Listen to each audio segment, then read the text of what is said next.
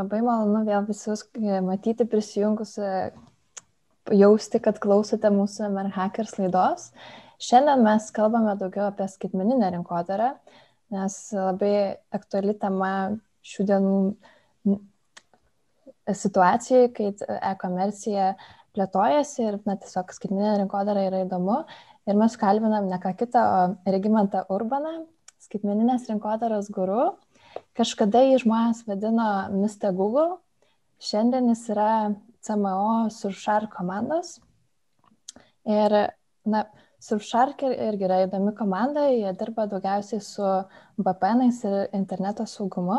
Tačiau gal Regimantas galės daugiau papasakoti, tai ką jis e, dabar daro. Mielai. Jo, tai iš tikrųjų ačiū labai Rita, kad pakvietėjai prisijungti. E, tai jo, pirmiausia, gal prisistatyti, tai jau 14 metų esu rinkodarai dirbantis. Tai kaip ir minėjo Rita, e, šešis metus praleidau dirbdamas Google, E, iš, iš Google perėjęs grįžęs į Lietuvos rinką, pirmiausia, dirbau Trafė tuo metu, irgi kai buvo tas toksai augimo etapas šioje įmonėje. Na ir pastaruosius porą metų dirbu Surfshark. Ir Surfshark tikslas yra iš tikrųjų suteikti labai paprastą prieigą prie internetinio saugumo priemonių. Tai mūsų toksai angliškai yra tikslas Human Eye Security and Make it Accessible to All. Tai mes ir norim padaryti, kad įrankiai nebūtų kažkokie komplikuoti, sudėtingi, nebūtų kažkokių trumpinių neaiškių, kad tai būtų labai labai paprastas one-click sprendimas, intuityvus ir draugiškas tau. Ir, ir sėkmingai šito produkto dabar plečiam naudojimą, nes uh, saugumas ir privatumas labai labai aktualios temos šių dienų pasaulyje. Tai jaučiam iš tikrųjų, kad yra rezonansas ir, ir sėkmingai pavyksta kol kas mhm. aukti.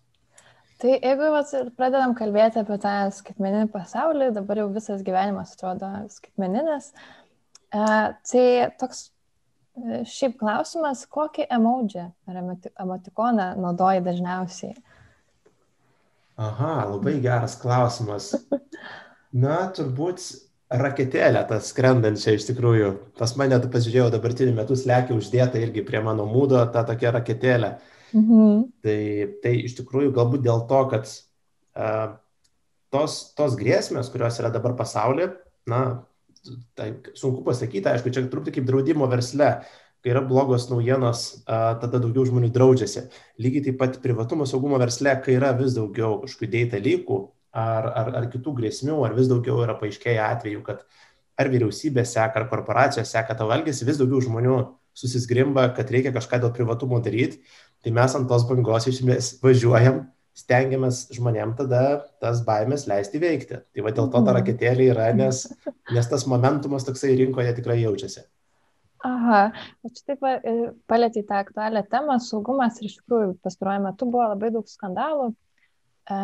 Kaip tu manai, kas yra tas pagrindinis dalykas, ko visuomenė dar nesupranta iki galo neįsisavinimo apie saugumą internete?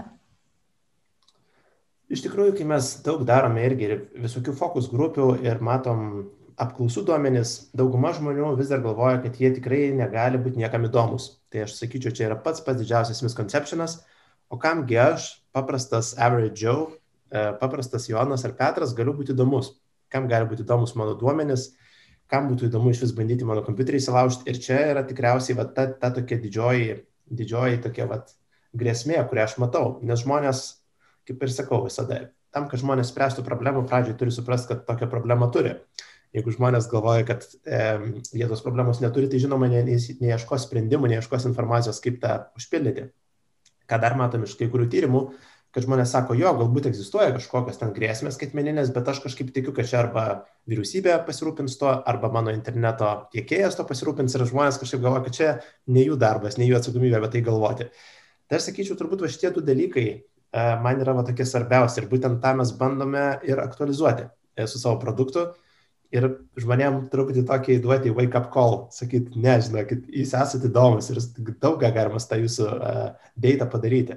Aha, ir čia užgrėbė tokią įdomią apskritai rinkodaros problemą, kai žmonės uh, nežino, kad jie turi problemą ir kad ją reikia spręsti, o tavo produktas va būtent, būtent Ir čia dažnai galbūt net ir startupai susiduria, nes jie labai tiki savo produktų, bet nebūtinai tam yra poreikis.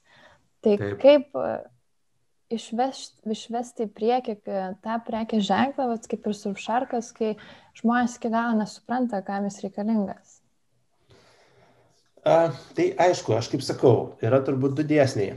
Arba ta banga jau sukelta ir tau reikia tiesiog, sakau, šokti ant banglentės ir važiuoti ant tos bangos, kuri yra natūraliai sukilus, arba tau reikia daryti didelį edukacinį darbą ir pačiam tą bangą sukelti. Tai iš esmės aktualizuoti, edukuoti, kalbėti apie tas grėsmės, parodyti, kokiuose etapuose jos tyko, ką apie tai galima daryti, kaip elgtis. Kaip ir matom, turbūt ir tarkim Lietuvoje įvykę pastarųjų, pastarųjų savaičių įvykiai, tik tada žmonės priverčia susimastyti, pasikeisti, paskutinį kartą prieš 12 metų keistą slaptažodį, vieną ir tą patį naudotą visose, e, iš esmės, e, svetainėse. Tai Tai aišku, padeda kartais tie išoriniai veiksniai, kažkokie didesni sukretimai. Mes irgi matom, tarkim, tų pačių, tarkim, VPN paslaugų uh, kilimas prasidėjo ir nuo Snaudeno įvykių, ir tada, tarkim, vis daugiau kažkiem uh, paaiškėjusiam atvejam, kaip valstybė staiga užsimano kažkokius dalykus kontroliuoti, žinoti apie savo piliečius. Tai žinoma, būna tie tokie įvykiai, ką pačiai įmoniai tokį makro faktorių labai sudėtinga sukelti. Bet žinoma, net ir, kaip sakau, tos taikos metu galima tos dalykus irgi aktualizuoti, apie juos kalbėti.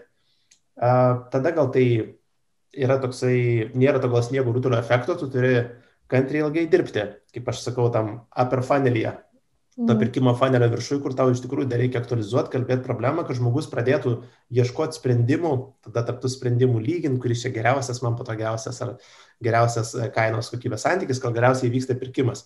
Tai tiesiog kaip ir sakau, dabar užtenka e, tiem, kas siūlo skaitminius sprendimus, labai smarkiai nereikia pardavinėti problemus, žmonės jau jaučia vis daugiau, kad yra problema, inicijuoja patys kažkokią paiešką, bet vėlgi ne visose rinkose vienodai. Sakau, tai, kas įvyko Lietuvoje pastarosiam savaitėm, kažkada įvyksta kažkokioje kitoje šalyje. Ir vat, būna kažkas, kas sukrečia būtent tą vat, visuomenę, tą šalį. Ir tada tai yra geras momentas išeiti. O kitu mhm. atveju, tai, sakau, matom tikrai nuseklų šitos rinkos augimą, didėjimą ir ne tik specializuoti produktai tai daro, bet netgi ir didžiosios įmonės, tame tarpe Apple, skiria vis didesnį dėmesį duomenų privatumui iš tikrųjų ir apsaugoti savo vartotojų duomenis. Tai yra, sakyčiau, tikrai bendra tendencija. Aha, o čia ir, irgi taip e, kalbė apie visą pasaulį, čia žiūri, kas vienoje šalyje, kitoje šalyje, nes tai liečia Ir, na, aš kaip suprantu, jūsų klientai na, yra viso pasaulio klientai. Taip. Taip. Ir kaip jūs tada pažįstate tuos savo klientus? Na, irgi minėjai, kad daro tyrimus, tą nuomonę, kaip visą tai vyksta, kaip organizuojas? Na, iš tikrųjų, turbūt e, taip pačiai rinkodar yra keli būdai, kaip surasti tavo klientą. Tu, žinoma, gali mąstyti apie tam tikrą kažkokį rinkodaros kanalą ir e, jie, su juo dirbant, iš kokios šalies beteis klientas būti jam, jam uh, uh, jį priimti. Tai tarkim, kaip pavyzdys, pavyzdžiui, jeigu mes dirbam su uh, influencer marketing uh, sritimi, tai mes galim tiesiog dirbti su kažkokiais turinio kuriejais, kurių auditorija dažniausiai irgi būna globali, nebūna specializuota, jeigu yra anglokalbės influenceris, jis gali turėti auditoriją galbūt ir Kanadoje, Didžiojoje Britanijoje, ir visur kitur, kur supranta um, žmonės anglišką turinį. Mhm. Ir tada tu tiesiog negalvoji apie tam tikrą rinką, tu galvoji labiau apie tokį psichografinį turbūt profilį žmogaus, apie tam tikrą vat use case, kad tarkim čia yra keliaujantys žmonės, čia yra verslus turintys žmonės, čia yra uh, gameriai. Ir tada tu labiau galvoji vat, per tą profilį, tada netaip svarbu šalis. Ir mes daugiau darėm iš tikrųjų daug labiau šito, nemastydami apie tam tikrą šalį.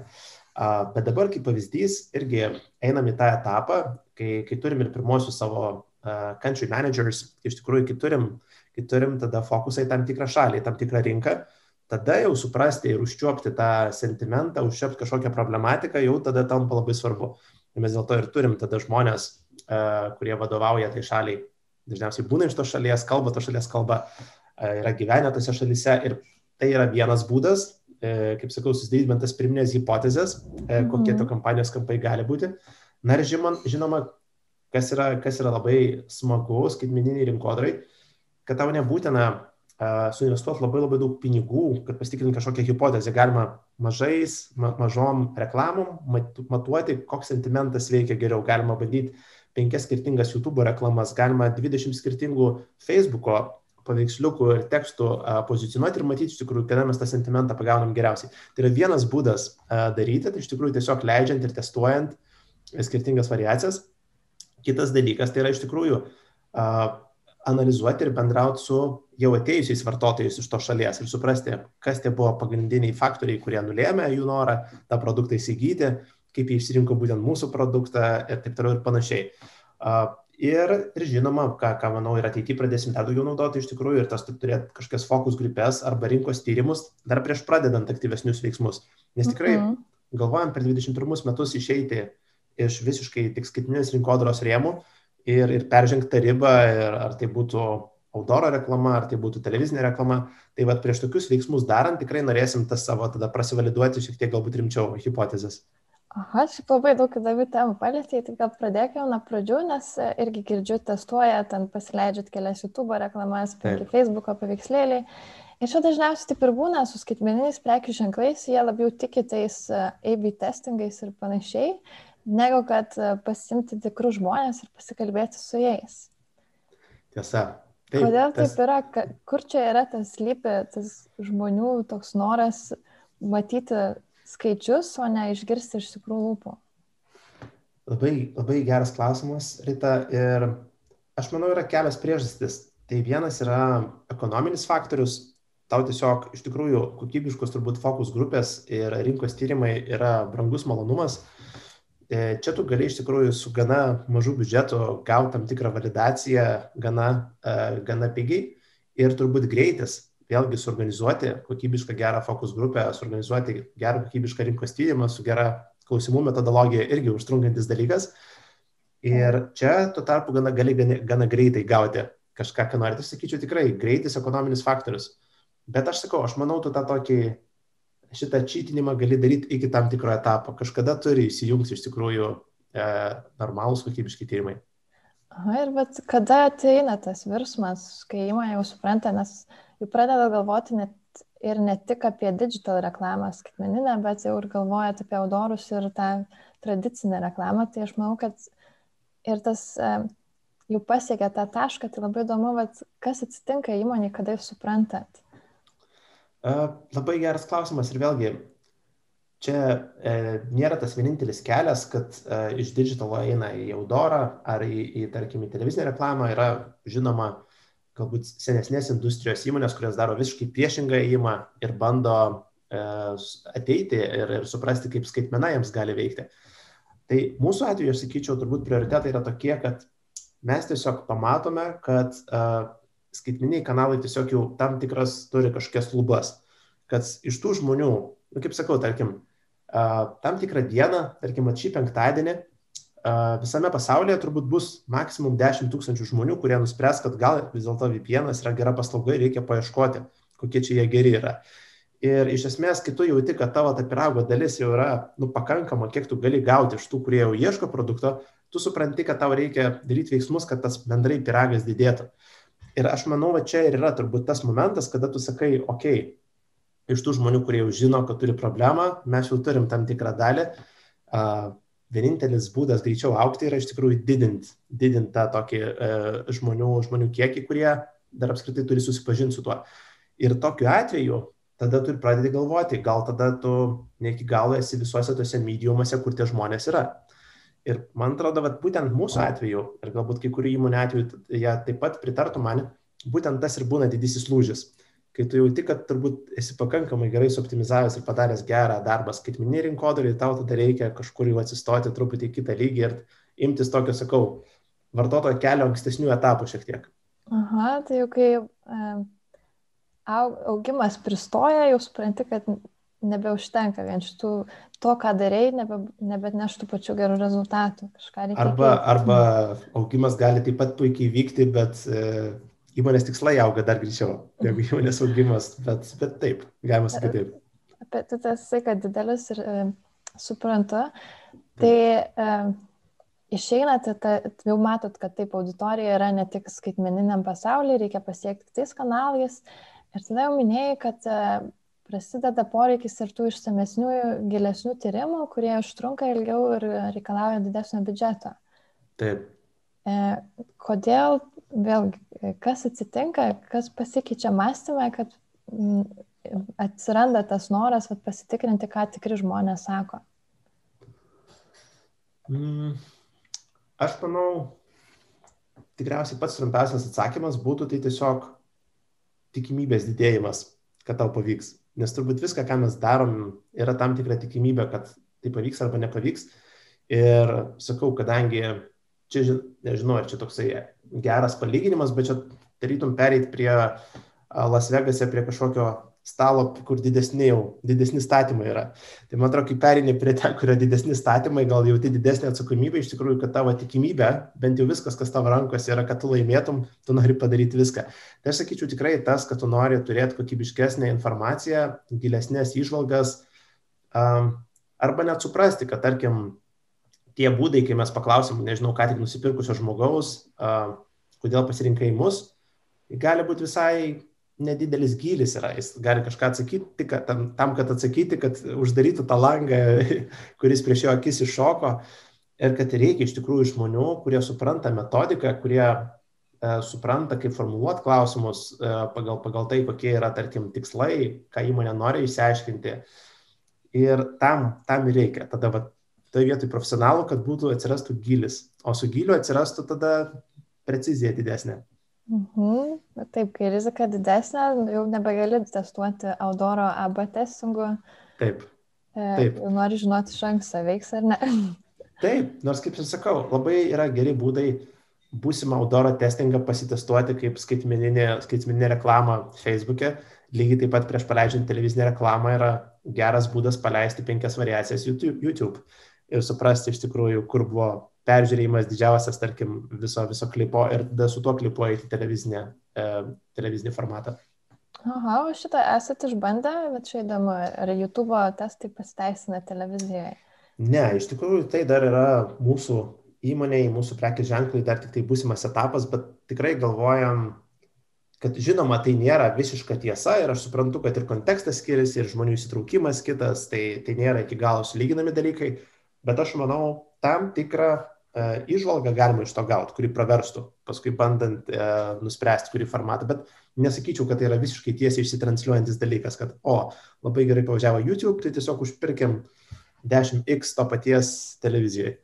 Mhm. Tai iš tikrųjų laukia įdomus laikai labai e, jūsų įmonė, kai jau perėsite tas tradicinius kanalus. Taip. E, pati esu daug dirbus irgi su televizijos reklamom, jų testavimu. E, tai numanau, kokie iššūkiai jūsų laukia ir manau, kas viskas mes, pavyks. turbūt dar mes nenumanom ryte taip smarkiai, kaip tu numanai, tai pritariu. Na, e, tikiuosi, kad e, bus daugiau e, sėkmių ir pasisekimo, jeigu taip rimtai žiūrit į tą reikalą. O jeigu dar grįžtume tiek prie skaitmeninės rinkodaros, nes tiek šių dienų aktualijos labai išaugino šito topiko na, kaip svarbą. Taip. E, tai taip pat tu e, mačiau anksčiau visą laiką dalindavaisi tas interneto tendencijas. Taip. E, bet ir šiaip, na, kadangi esi labai smalsus, e, e, tai gal šiaip gali pastebėti, pasidalinti savo išvalgam, ką matai, kas keičiasi e, šiuo metu, būtent kas liečia internetinę rinkodarą. Aišku, turbūt pats didžiausias neišspręstas a, iššūkis, kad skaitminės rinkodaros sėkmė buvo labai paremta labai gilia personalizacija ir labai giliam išvalgom apie vartotojų a, elgesį internete, apie tai, su, kokiais, su kokia informacija jie a, iš tikrųjų aktyviai sąveikauja. Ir su tuo didėjančiu privatumo poreikiu žmonės e, norės vis mažiau palikti savo kažkokio pėtsako, e, vis mažiau identifikuoti, kokius žmonės jie seka, kokius prekės ženklus seka, kokį turinį skaito. Ir iš tikrųjų tada bus tikrasis tas iššūkis, kad tai skaitmininė rinkodara, kurios va, tikrai didysis privalumas ir buvo būtent ta tokia precizija ir žinomumas, kai tau tu gali ne kažkokią platesnę ten amžiaus kategoriją, ar ten miestą, ar šalį targetint, bet tu galėdavai tą vat, vos nekonkretų žmogų, kuris yra tokioje amžiaus grupėje, tokioje socialiniai padėti, tokioje šeiminiai padėti, besidomintis tai, žiūrintis tokius filmus, skaitantis tokias knygas, būtent jam parodyti tokią. Tai va, ta galimybė išnyks. Ir daug kas sako, kad turbūt, aišku, atsiras kažkokie turbūt bandymai pakeisti tą sausainėlį vietoj to kūkio, kuris tiek va tą, kaip kokia lygos istorija kaupdavo tą visą informaciją apie žmogų, gal kažkokie bus kiti būdai. Ir dabar yra daug kalbama apie tai, kokia ta technologija galėtų būti nauja.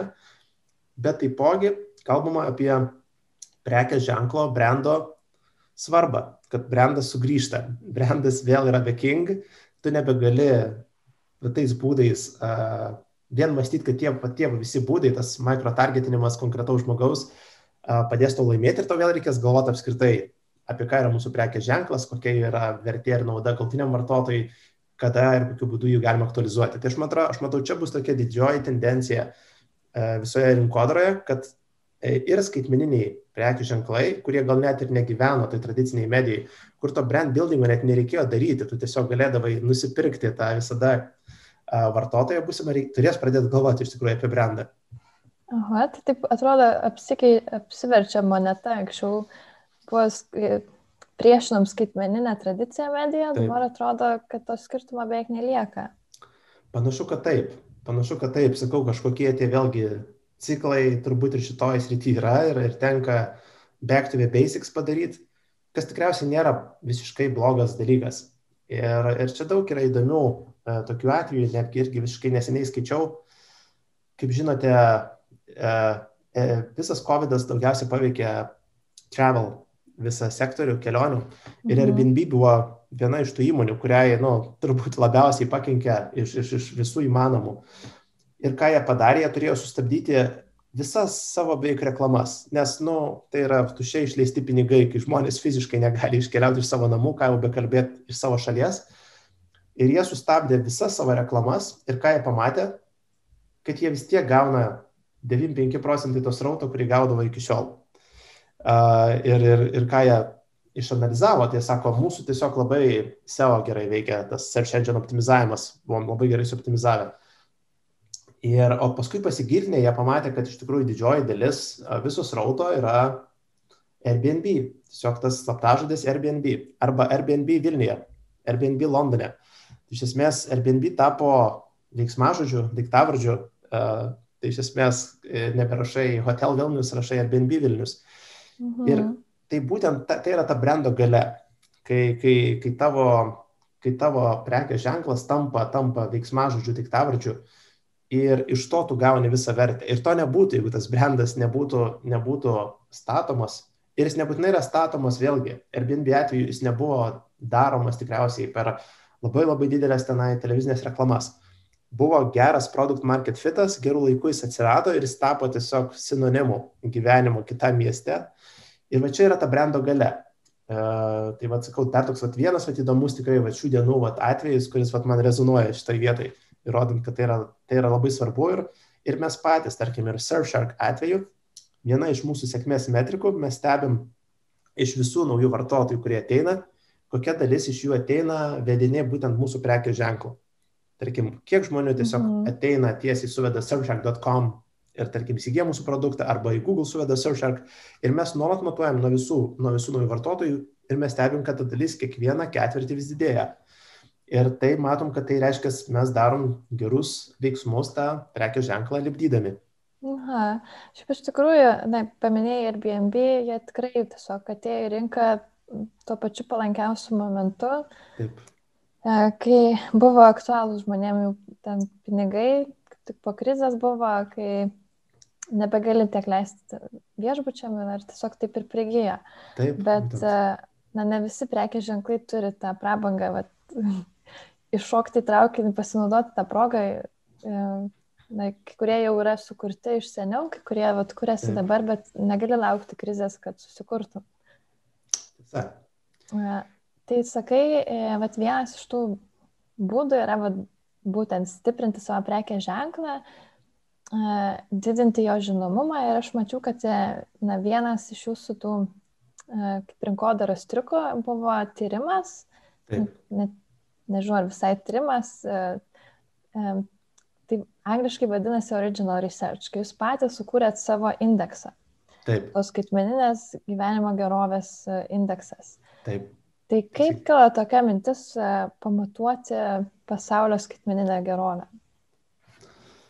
Tai iš tikrųjų, galbūt grininantis mūsų paties prekės ženklą kažkokią poziciją ir mūsų pačių suprasti vėlgi ir pozicionavimą.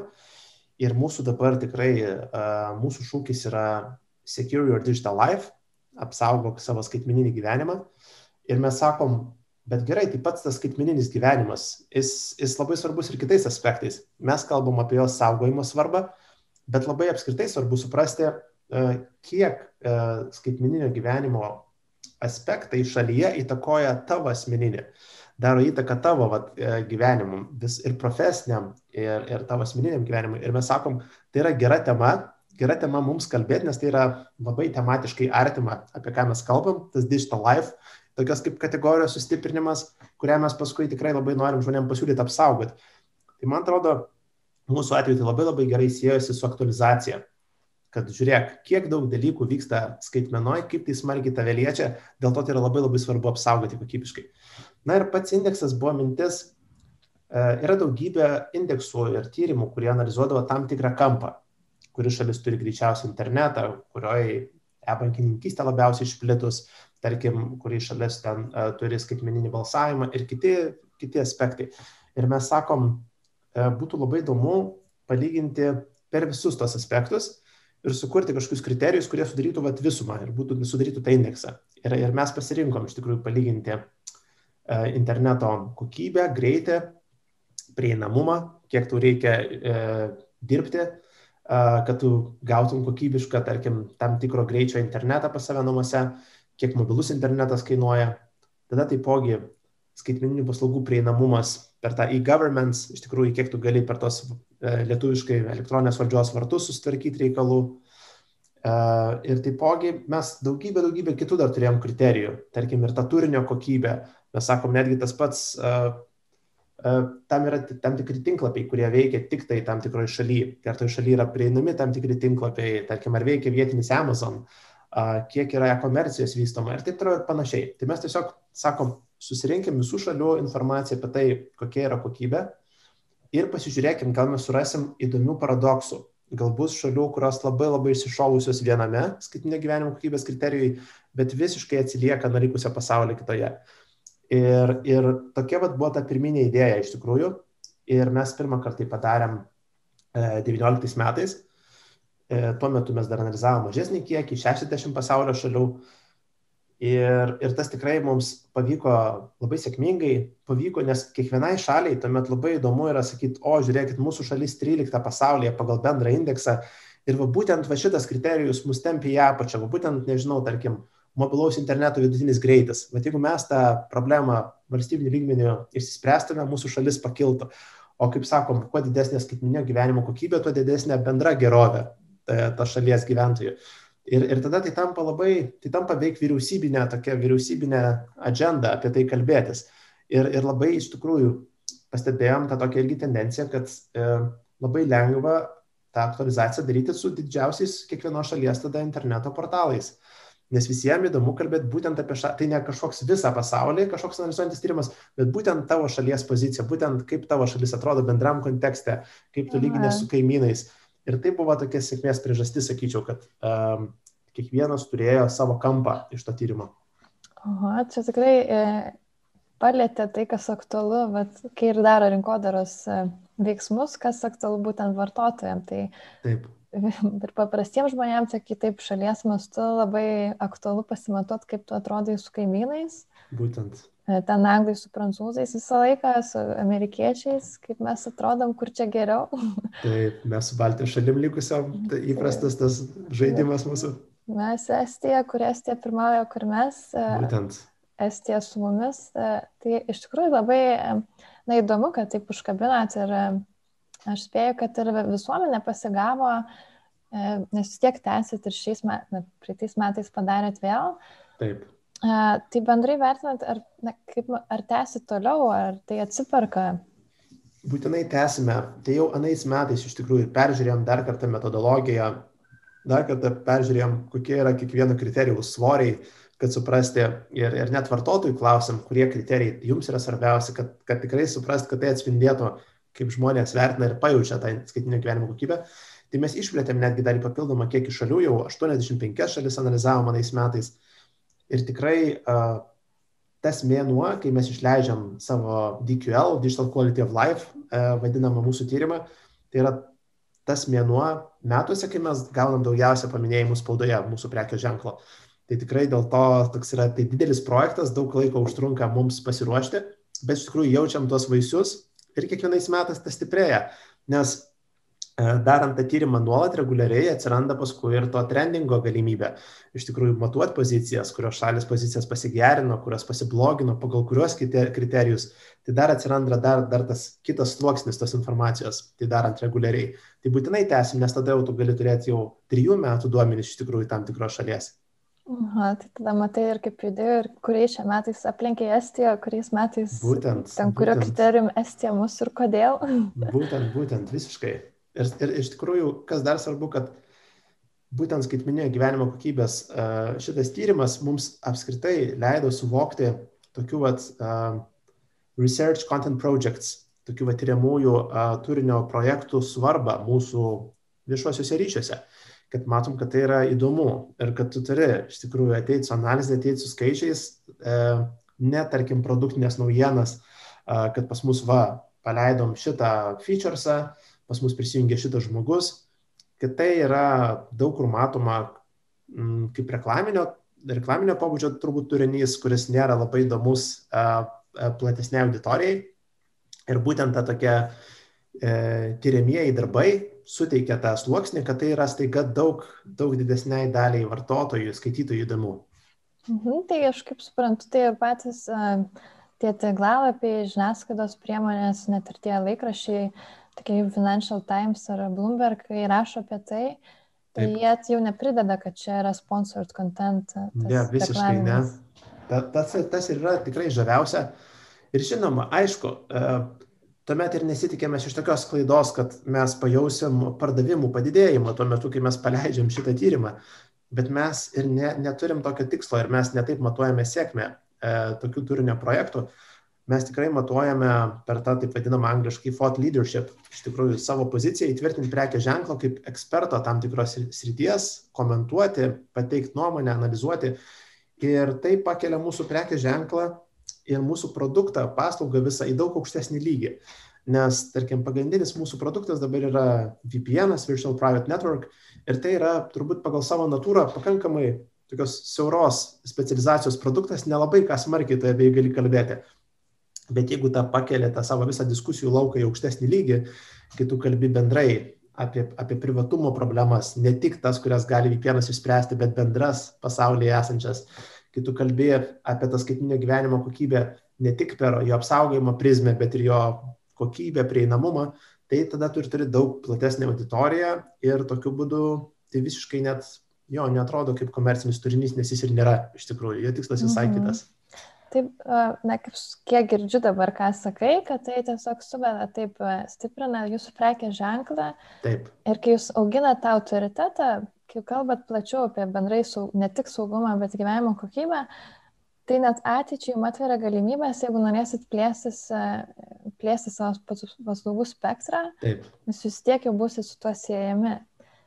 Būtent, būtent, labai teisingai, sakau, yra tas labai geras angliškas pasakymas, one trick pony. Uh, mes nenorim būti one trick pony ir iš esmės tokios siauros specializacijos, siauros temos e, e, ekspertišką komentarą duodantis e, kažkoks tai prekės ženklas, mes tikrai ir norim dalyvauti platesniai diskusijai ir turėti tą nuomonę ir tai padeda tikrai tuos stiprinti mediją ryšius, nes tai tikrai e, su dauguma rinkų, e, dauguma temų, kur kalbėtum tik apie VPN, tikriausiai su Bloombergo ar Wall Street Journal ar New York Times žurnalistais neturėtum labai daug bendro sąlyčio taškų. Dabar staiga yra, yra temos, e, apie kurias tu gali diskutuoti, kurie, tarkim, publikuoja komentarus iš mūsų išeinančius, bet tas medija, medija ryšys lieka ir ateičiai.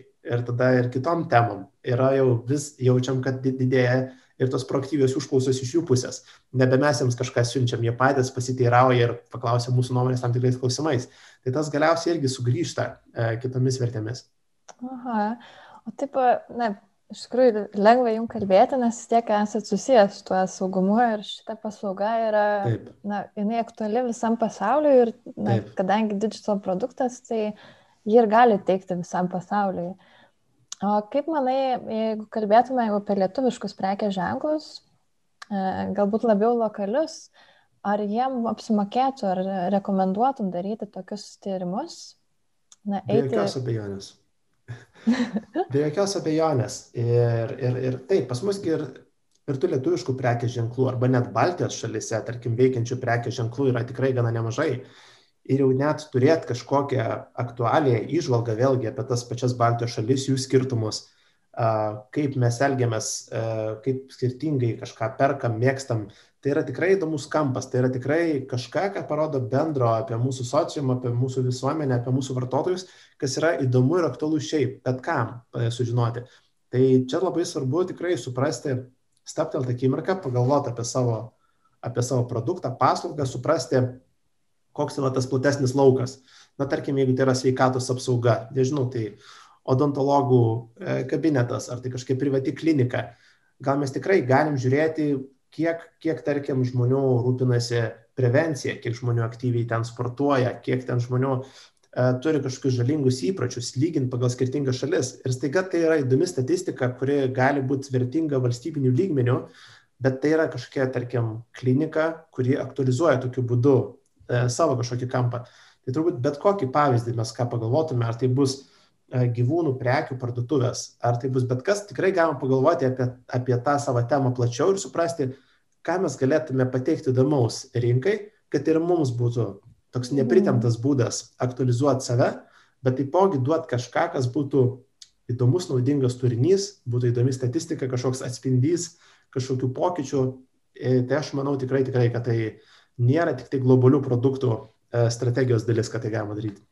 Aha, na čia, sakėjai, naminių gyvūnėlių, ten pagalvojau, kad irgi šio, šios dienos aktualijose būtų galima išvesti, kur naminiam gyvūnėliam geriausia gyventi.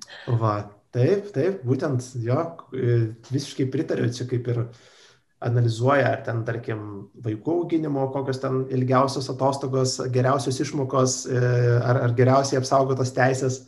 Tai taip, e, gyvūnėlių gerovė, gyvūnėlių, neskaitmeninio gyvenimo kokybė, bet bendro gyvenimo kokybė tikrai gali būti tas pats tyrimo objektas. Mhm.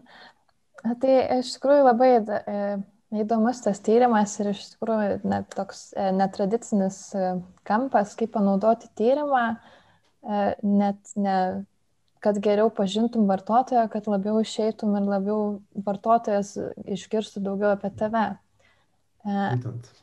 Tai ir dabar jau tik pabaigai, na iš tikrųjų labai daug visko aptariam ir perėjimą prie iš skaitmeninės į tradicinę reklamą e, ir tą skaitmeninės reklamos pokytį, kai tie susainiukai, kokies e, bus panaikinti. Ir čia šitą tyrimą, e, na ir mes vis tiek vadinamės hackers, tai gal turi kokį patarimą, tokį live hack, į ką atkreipti dėmesį rinkodaristams šiais metais? Mhm. Live hackas. Turbūt nebūsiu labai originalus, kai pasakysiu, kad um, ta influencerių ar yra lietuviškai turbūt ne užnorintojų, ar koks tas žodis bebūtų, uh, tai įtaka rinkodarai labai svarbi, nes tai suteikia ir labai tokius uh, naujus ryčio būdus pasiekti savo vartotojus uh, ir tai pateikia labai daug iš esmės, koks yra privalumas dirbant su influenceriais, kad tavo beveik nereikia duoti kažkokių kūrybinių, kūrybinių sukurtų jau sprendimų, jie patys sukuria ir turinį, uh, turi savo pasiekimo kanalus auditorijos ir jie taipogi, aišku, ir savo autoritetą perdoda. Tai ne tik ištransliuoja, kartu ir savo autoritetą perdoda, kai jie sako, iš tikrųjų, aš nereklamuočiau produkto, kurio netikiu. Ir, ir aš sakyčiau, tikrai labai nepraleiskit influencerio marketingo, ir nebūtinai mąstykit apie jį tik tai kaip apie įvaizdžio formavimo kanalą, mes jį labai puikiai naudojam ir kaip pardavimo kanalą, kaip performance kanalą.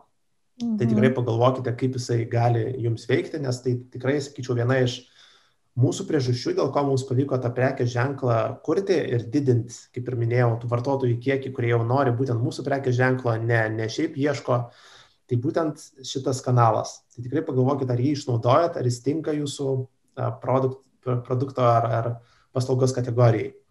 Aha, čia tikras hekas. Čia ne tik, kad išnaudotum savo kanalus, bet pagalvo, kaip pasinaudoti taip. kitais. Taip, taip, taip, būtent. Ir, ir padaryti žinoma, kad tai būtų naudinga abiem pusėm. Nes kas yra labai džiugu, jeigu mes matom, kad yra tas tikrai rezonansas tarp auditorijos, tarp to influencerio auditorijos ir mūsų prekės ženklo, tai perauga ilgalaikius santykius. Ir tai tampa net pakankamai prognozuojamas kanalas pagal tai, kiek tu gali tikėtis kažkokios gauti gražos arba kiek vartotojų iš to kanalo ateina, kai tai tampa ne kažkiek vienkartiniai išėjimai, bet tai tampa ilgalaikiai bendradarbiavimai. Aha. Tai aš manau, ta influencerių visa rinkodara reikalauja jau atskiros temos ir atskiros laidos. Taip, tikrai taip, tai čia tebūnė teaseris į ateitį. tai gal dar kada e, sugrįšim su šitą temą, o šiandien tai sakau labai ačiū, iš tikrųjų buvo labai smagu pasikalbėti. Man taip pat. Ir ačiū linkiu sėkmės pereinant į televiziją. Dėkui tau, ačiū labai. Dėkui.